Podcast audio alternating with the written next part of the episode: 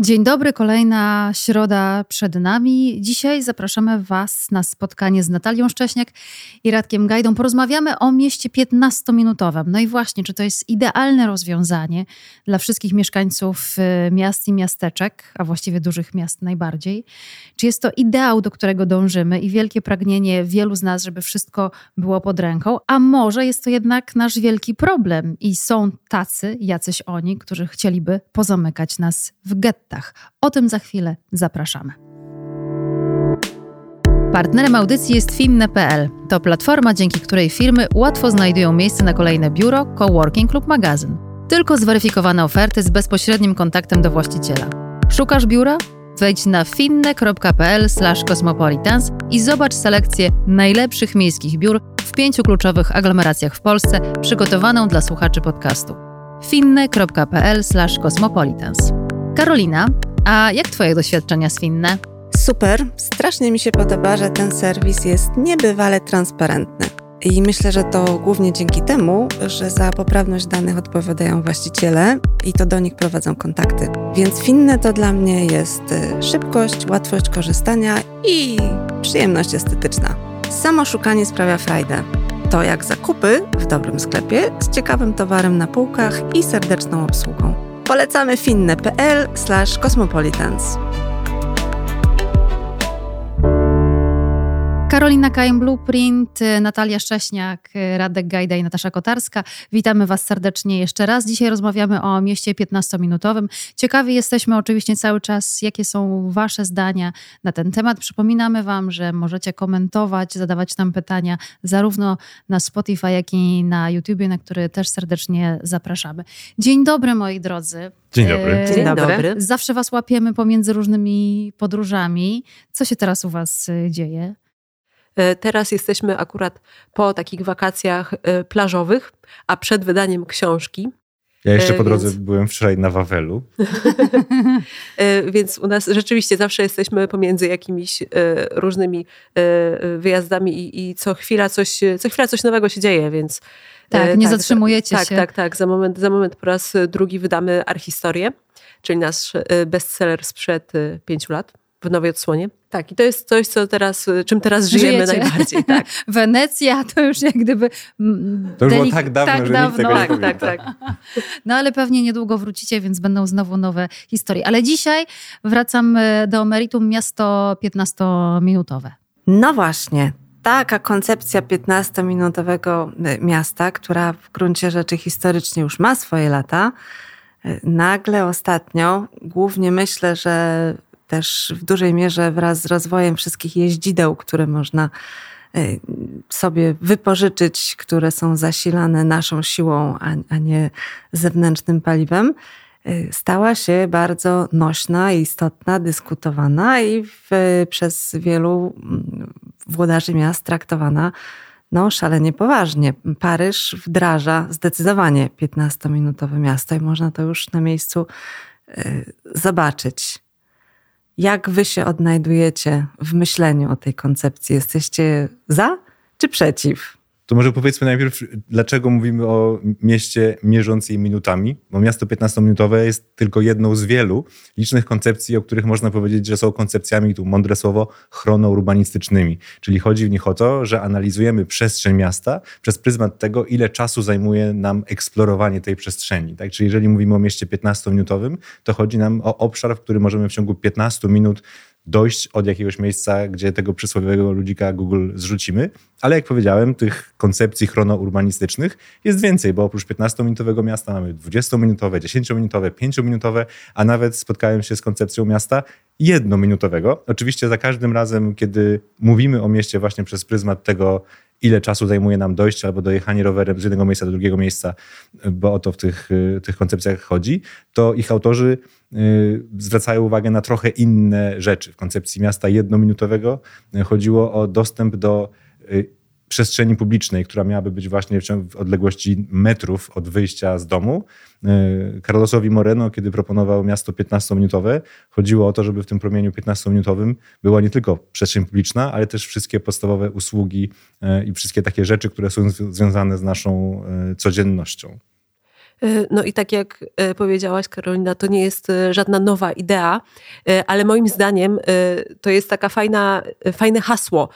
Dobrze ono zbiera to, o co chodzi w dobrze zaprojektowanym mieście, że to miasto 15-minutowe jest bardzo króciutkim takim skomasowaniem pewnej idei, która jest bardzo łatwo rozumiana przez ogół społeczeństwa. No bo jak się ludziom wytłumaczy, że miasto 15-minutowe to jest takie, w którym można załatwić wszystkie potrzeby codziennego życia w ciągu y, spaceru 15-minutowego od swojego domu, no to każdy to rozumie, każdy potrafi to sobie zwizualizować. Myślę, że stąd się bierze sukces tej idei, że ona jest taka bardzo łatwo dostępna, że to nie jest, to nie jest rewolucja, moim zdaniem, tylko to jest nazwanie y, na nowo czegoś, co już y, istniało i historycznie, i, i, i w jakichś innych teoriach urbanistycznych, a co y, jakby dobrze, do, dobrze przekazuje ludziom taką ideę, y, że warto żyć w środowisku zorganizowanym, zaprojektowanym, y, które odpowie na te potrzeby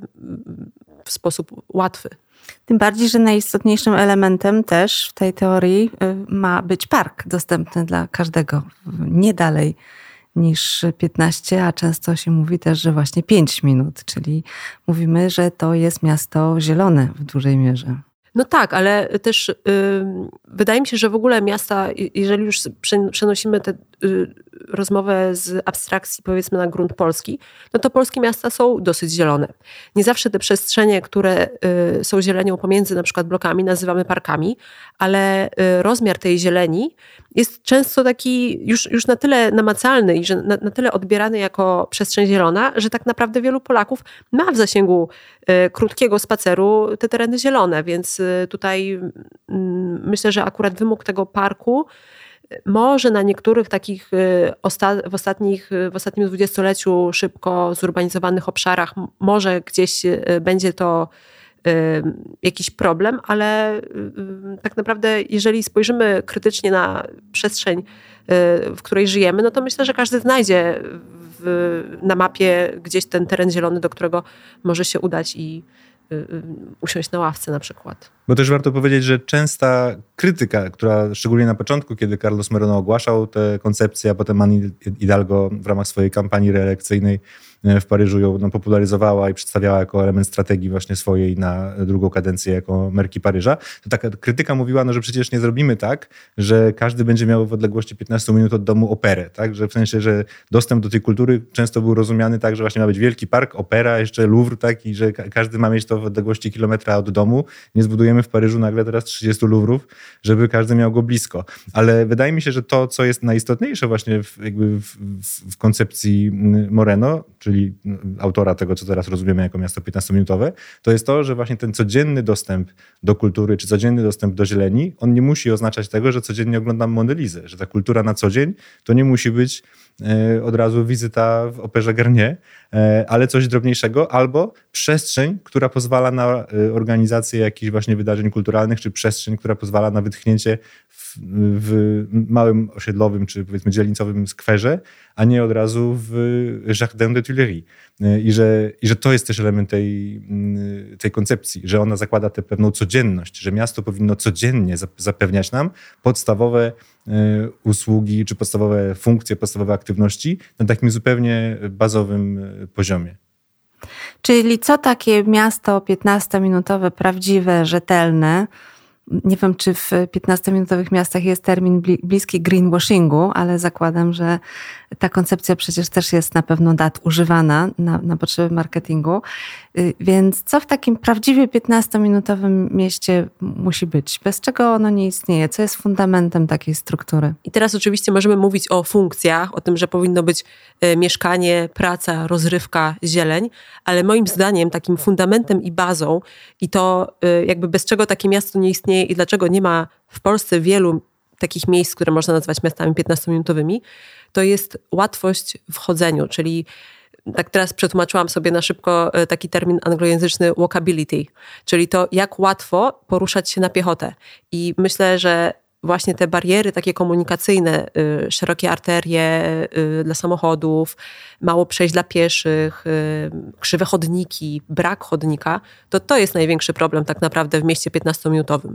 Tutaj Natalia zwróciła uwagę właśnie na to, że... I, I to jest podstawa kiedy myślimy, e, dlaczego to się nazywa miasto 15-minutowe, a nie na przykład miasto e, bliskich odległości albo miasto e, najbliższej okolicy, ponieważ właśnie nie każdy metr czy nie każde 100 metrów w mieście jest sobie równe. Jeżeli mamy 100 metrów do jakiegoś miejsca, ale po drodze jest 6 pasów albo 4 pasy głównej arterii dzielnicowej, no to to jest inne 100 metrów i ten czas, który nam jest potrzebny do przejścia tych 100 metrów jest inny i dłuższy niż czas, który jest nam potrzebny do przejścia 100 metrów wzdłuż ulicy, na przykład o ruchu y, samochodowym. Dlatego właśnie to ta, ten, ten miernik czasu, a nie samych metrów, jest y, takim, takim ciekawym narzędziem w ogóle myśleniu o y, urbanistycznym, myśleniu o mieście, a jednocześnie jest bardzo naturalnym, bo przecież kiedy mówimy właśnie, że dokądś mamy jakąś, jakąś odległość, to tylko kiedy mówimy, że to są 24,5 kilometra, tylko mówimy, że tam mam pół godziny, prawda? Albo jak daleko jest twoja praca od twojego domu, 40 minut metrem. No, nikt się nie zastanawia, ile to jest konkretnie przystanków.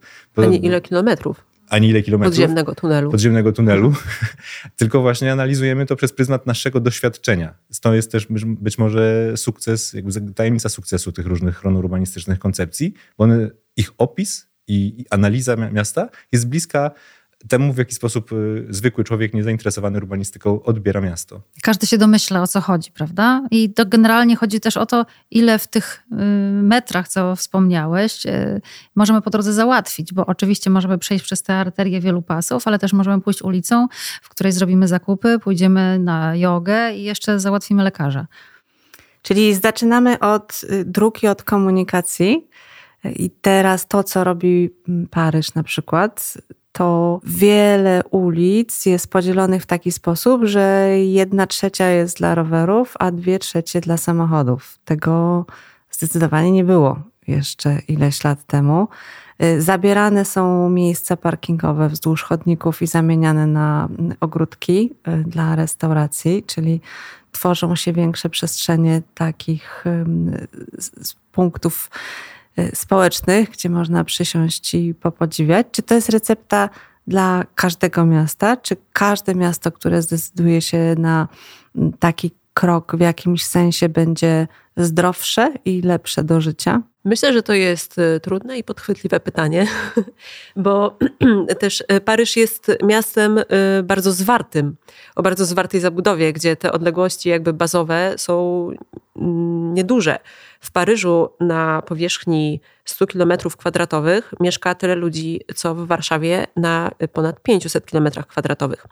Więc y, jakby ta gęstość zaludnienia i y, gęstość nasycenia też różnymi usługami y, w Paryżu jest dużo większa, więc łatwiej jest to zrobić i łatwiej jest to zrobić bezboleśnie. Łatwiej jest się pozbyć tego samochodu, kiedy mm, można to życie sobie zorganizować rzeczywiście w najbliższej okolicy.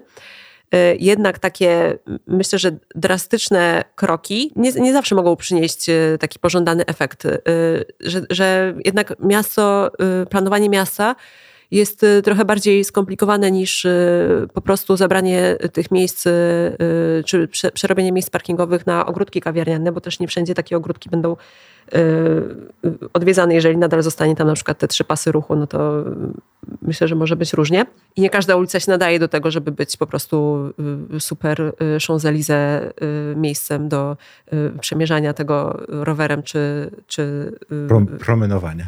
Tak, czy promenowania po nim.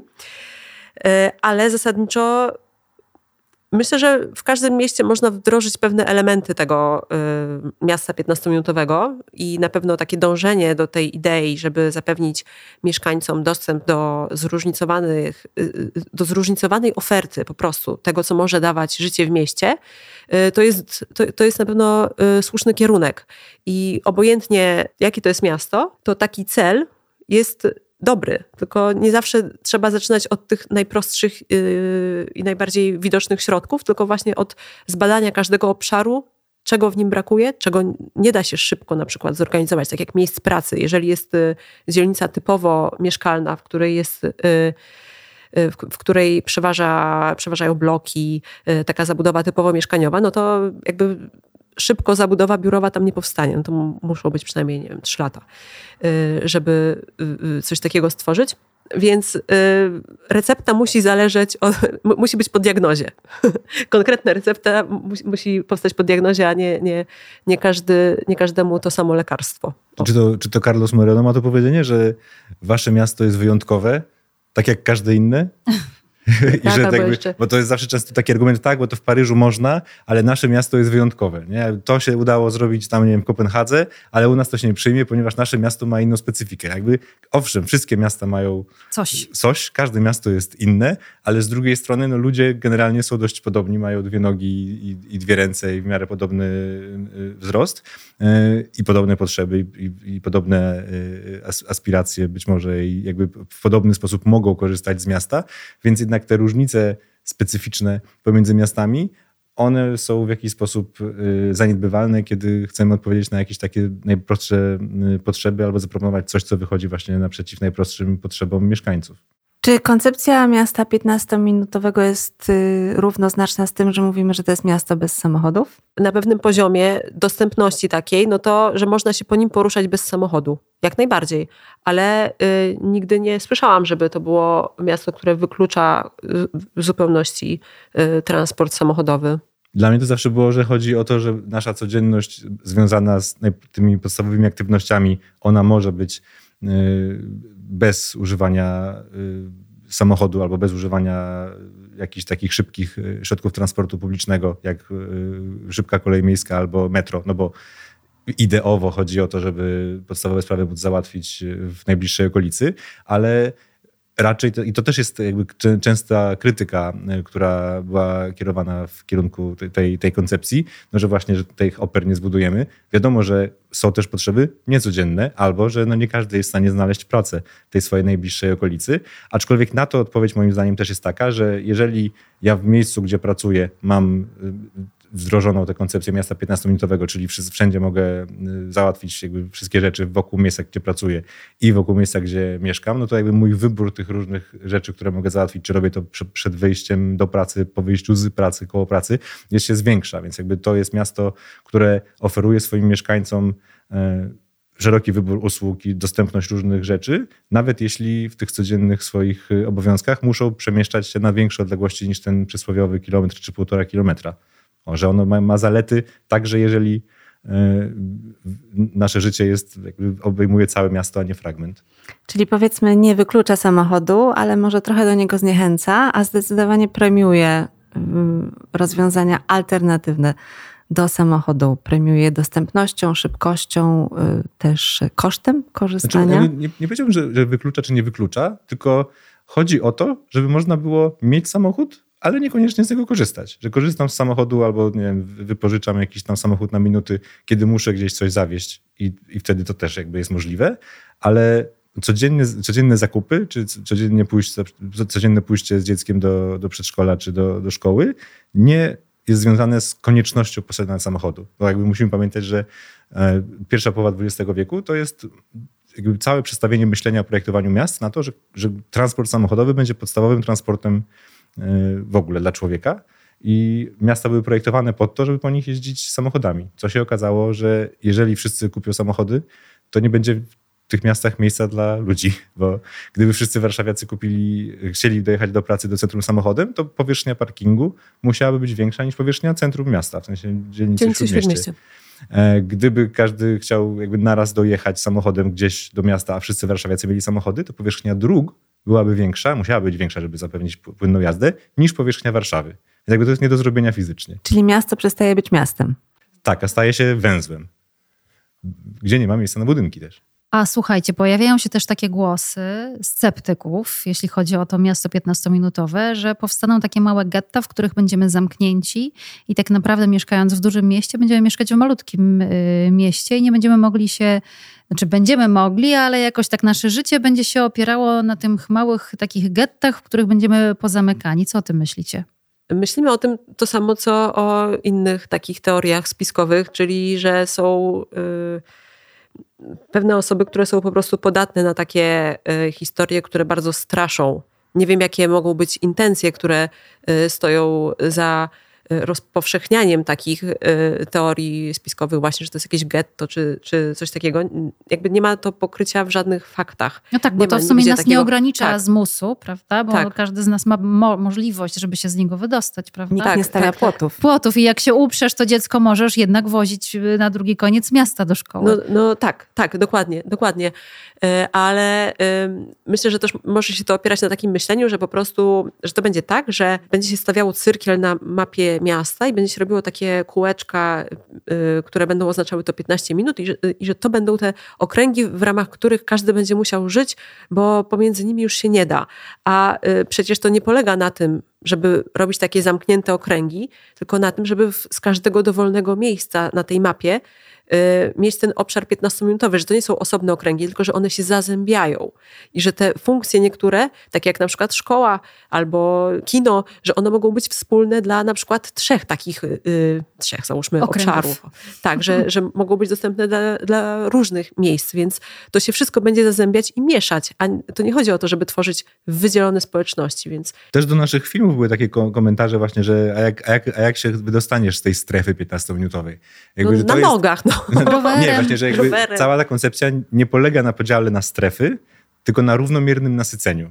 Czyli nie chodzi o to, że e, dzielę miasto na kawałki, które mają kilometr średnicy, tylko niezależnie od tego, gdzie postawię ludzika Google, to tam mam w odległości kilometra od tego jakiegokolwiek dowolnego miejsca te podstawowe funkcje, czyli kawałek skweru, jakąś, jakąś przestrzeń publiczną, szpital, no, szpital nie, jakąś przychodnię, tak, czyli usługę zdrowia, y, jakąś szkołę podstawową, tak, czyli jakby te absolutnie podstawowe, codzienne, no i odrobinę codzienne kultury. potrzeby. No i na przykład jakby dom kultury albo jakąś przestrzeń, y, właśnie jakby kino, jakąś salę y, do, do spotkań i aktywności kulturalnych, tak, no bo ta kultura w mieście, ona może przyjmować zupełnie różne, różne formy. To nie musi być właśnie ani Louvre, ani, ani Teatr Narodowy. Więc jakby to jest ta, ta trudność, bo często właśnie ta idea, no, być może jakby z dobrych intencji, była, bywała przedstawiana y, nawet jakby życzliwie właśnie, że chodzi o to, żeby były strefy. Jakby właśnie cały widz polega na tym, żeby nie było stref, bo takie koncepcje strefowania, one już były i można powiedzieć właśnie, że cała idea 15-minutowego miasta to jest zaprzeczenie tej idei strefowania miasta, która była do tej pory, że właśnie mamy jedną strefę, w której mamy coś, drugą strefę, w której mamy coś i mamy się między tymi strefami przemieszczać. Mieliśmy strefę właśnie... do pracy, mieliśmy tak. strefę do spania, strefę do robienia zakupów. I, i... zobaczmy, że nawet to w, po angielsku myślenie o mieście jako o strefach przetrwało w takim pojęciu zoning law, tak? Czyli, że to, co my nazywamy planem miejscowym, no to w wielu krajach yy, jest tłumaczone jako zoning law, czyli, czyli właśnie prawo o podziale miasta na strefy. No to właśnie jakby Moreno proponuje, żeby nie było żadnego zoningu, tylko żeby całe miasto było równie atrakcyjne. Żeby miasto było atrakcyjne, to najbardziej musi mieć atrakcyjne partery, bo to one tworzą miasto. No na pewno, tak, tak. No i to nie jest taki łatwy temat dla polskich miast, bo to są często takie strefy zaniedbane przez y, właścicieli publicznych, y, niedoszacowane przez y, firmy deweloperskie. Z jakiego miasta można się uczyć dobrych parterów? Może z Paryża, oni teraz mają nowe. oni teraz takie tam teraz takie, tak, coś. takie coś robią teraz przed igrzyskami. Mają skończyć. Kurczę, nie wiem skąd się uczyć dobrych parterów. Hmm. Z waszych podróży, gdzie wiem, że się poruszacie dużo po, po, miastach, myślę, że, że są takie miasta, w których, no właśnie, ten spacer 15-minutowy, bez względu na to, czy pójdę w lewo, czy w prawo, czy prosto, on jest zawsze przyjemny.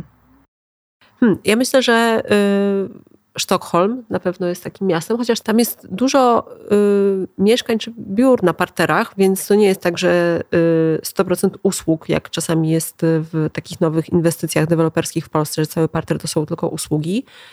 E, ale myślę, że tam jest to jakoś, że tam się dobrze chodzi po tym mieście. Jest y, pięknie zorganizowane i do tego jest jakiś, ma w sobie jakiś taki humanizm, że nie jest takie od linijki bardzo, bardzo, bardzo lubię to miasto. Czyli ma stosowny bałagan. Hmm. Tak, ma, ma, taki nie wiem, jakiś human touch w sobie. Tak, to Sztokholm dla mnie był, że tam jest schludność, połączona z miękkością. Tak, w sensie to nie jest schludność połączona z jakimś drylem i ordnungiem, że po prostu zastanawiam się, czy jestem wystarczająco dobrze ubrany, by iść tą ulicą i, i poprawiam krawat za każdym razem, kiedy się rozejrzę, ale właśnie w Sztokholmie jest jakaś taka miękkość i swoboda, niezależnie od tego, czy mówimy o Gamla Stan, czy o zupełnie nowych y, dzielnicach, jak to, co zostało pobudowane w ostatnich latach wokół y, jeziora Hammarby. Mi no się właśnie, wydaje, może to Hammarby jest Hammarby, dobrym no, przykładem. No.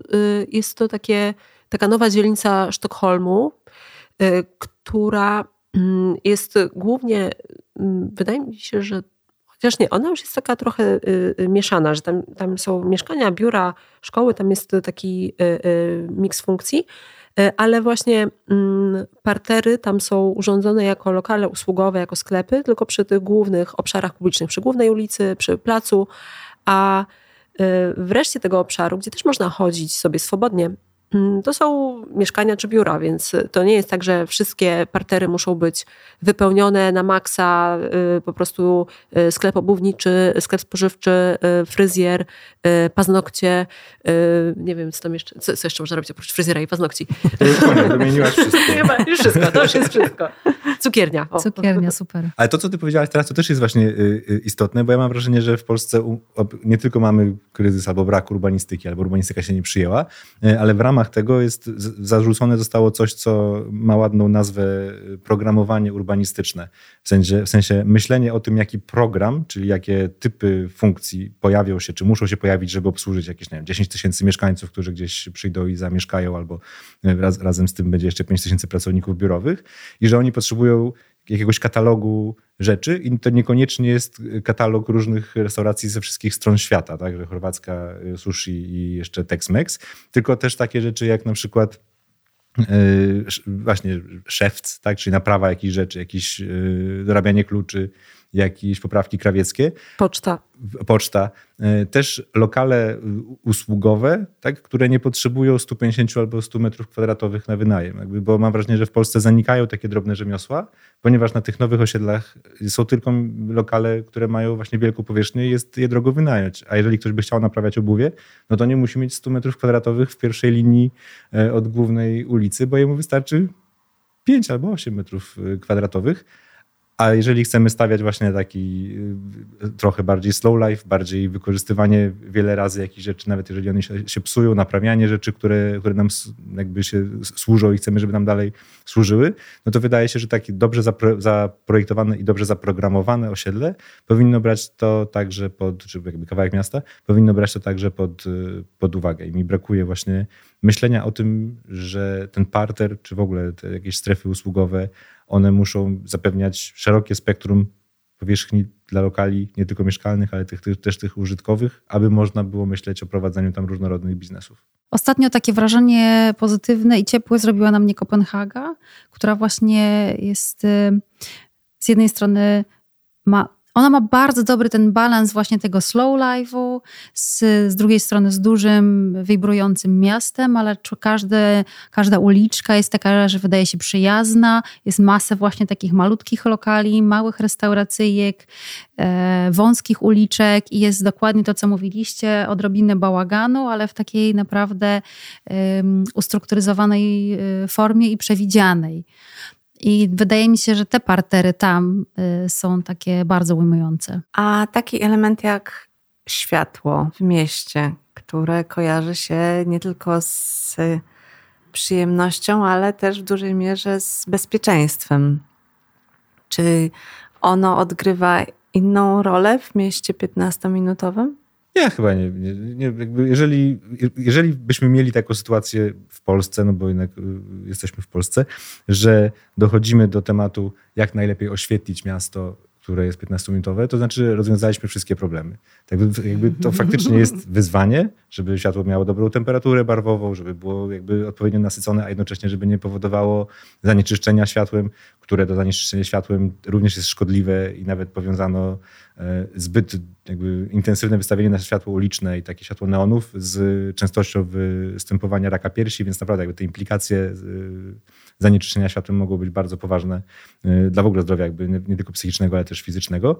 Ale jeżeli będziemy rozmawiali e, o tym i to będzie nasz główny problem, to znaczy, że naprawdę nam się udało w Polsce załatwić bardzo poważne problemy urbanistyczne i życzę nam wszystkim, żebyśmy, e, żeby to był ostatni problem, który mamy do Ale do użyłeś takiego pojęcia zanieczyszczenie światłem. Mhm. To, tak też nie mówiliśmy 10 lat temu. Tak, tak, to też tak, jest to nowa rzecz. Mhm. Tylko o tym mówili y, amatorzy obserwacji nieba nocnego. Że, że im przeszkadza. Że, tak. że, im przeszkadza, bo nie widać rzeczy. Ten seeing jest, jest słaby, bo właśnie te najciemniejsze obiekty głębokiego nieba są niewidoczne. Ale właśnie no, ostatnie lata pokazują, że to zanieczyszczenie światłem może przeszkadzać wszystkim, a nie tylko tym, którzy patrzą nocą przez teleskop. Tak, ale tak się zastanawiam, czy mm, tego problemu zanieczyszczenia światłem nie można rozwiązać na przykład przez um, lokowanie sypialni od wnętrz kwartałów, gdzie nie ma tego światła ulicznego. Mm, nie wiem, tak sobie teraz myślę o tym, bo z drugiej strony, właśnie z jednej strony to jest to zanieczyszczenie światłem i to, że jest y, noc, a cały czas y, mamy jasno w, w mieszkaniu, bo no nie da się wyłączyć tych świateł na zewnątrz. A z drugiej strony no to, to też są właśnie kwestie bezpieczeństwa. No nie chcemy iść ciemnymi ulicami, po ciemnych chodnikach, y, wracając w nocy, czy nawet w zimie, no to przecież po południu. A nawet gdyby zastosować takie teraz modne rozwiązanie, że to jest światło tak zwane on demand, czyli na żądanie, no to skończymy z dyskoteką. A to by było jeszcze gorsze, wyobraźmy tak, tak. sobie to, że ktoś cały czas przechodzi nam pod oknem. I się włącza i wyłącza. No. Albo przebiega kot. No dobra, ale powiedzcie teraz, jesteśmy, y, udało nam się trafić was w bardzo ważnym dla was momencie, E, wydawania książki, a robicie to sami, więc to jest jak gdyby e, duży ogień i pokłady pracy. Opowiedzcie, dlaczego zdecydowaliście się e, zaprezentować nam jeszcze raz archihistorię. Bo to jest bardzo dobra książka, której nakład jest wyczerpany e, i e, cały czas pojawia, pojawiają się pytania od osób, które chciałyby ją kupić, czy będzie dodruk, czy będzie nowe no wydanie. No Na Allegro archistorie osiągają ceny 300, 400, 500 zł, a ich cena okładkowa to 49,90. Więc faktycznie jest to książka, która wydaje nam się odpowiedziała na jakąś potrzebę czytelników, więc postanowiliśmy rozszerzyć ją o nowe zagadnienia, Także niektóre stare rozdziały uaktualnić, no bo parę rzeczy się zmieniło. Tam mamy rozdział o warszawskich wieżowcach, no to w ciągu ostatnich pięciu lat e, przybyło ich, e, jakby dopisał się nowy rozdział o warszawskich wieżowcach sam, więc też to rozszerzyliśmy. Uaktualniliśmy parę rzeczy, takie zupełnie aktualne tematy, jak patodeweloperka też e, opisaliśmy. No i teraz przygotowujemy, jest dużo więcej zdjęć, ponad 200 ilustracji będzie. Przygotowujemy właśnie premierę tego drugiego, rozszerzonego, uaktualnionego, poprawionego wydania y, bestsellerowych archistorii. Tak, no ta książka jest od y, dwóch lat niedostępna właściwie jako y, nowa, więc no, myślę, że to jest jakaś odpowiedź na potrzeby i też na naszą potrzebę, żeby po prostu mieć tą książkę wydaną przez nas, tak jak chcemy od początku do końca, żeby była piękna, żeby była uporządkowana też w środku ładnie y, i, o, i chcemy po prostu dać y, naszym odbiorcom jak najlepszą rzecz, jak najlepszą książkę do czytania, do oglądania, do zdobywania wiedzy na takim przystępnym poziomie. A więc czekamy na Wasze wznowione archistorie. Y, przypominam tylko, że możecie obserwować Natalię i Radka na ich kanale na YouTubie, ale też poszukiwać ich książek y, w różnych miejscach w Warszawie, chociaż tak naprawdę chyba warto wejść na Wasze media, prawda? Tak, tak. No, moja książka poprzednia, którą ja napisałem, a Natalia wydała, to jest y, Cztery wymiary architektury na stronie czterywymiary.goodidea.archi oraz mamy całą platformę e-learningową dotyczącą właśnie zagadnień związanych z architekturą i urbanistyką, z historią architektury, z historią sztuki, kursy.goodidea.archi. To już wiecie, wiecie, gdzie szukać e, Natalii Radka. My oczywiście jak zwykle wrzucamy odpowiedni link w opisie naszego odcinka. A do Was kieruję jeszcze raz pytania, czy chcielibyście mieszkać e, w 15-minutowym mieście? Jak Wy sobie takie miasto 15-minutowe wyobrażacie i co o nim myślicie? Czekamy na Wasze komentarze i oczywiście pozytywne y, oceny. Wielkie dzięki. Dziękuję Natalia Szcześniak, Radek Gajda, Karolina Kaim Blueprint y, i Natasza. Dziękujemy Wam za dzisiaj. Do usłyszenia za tydzień. Do usłyszenia. Dziękujemy.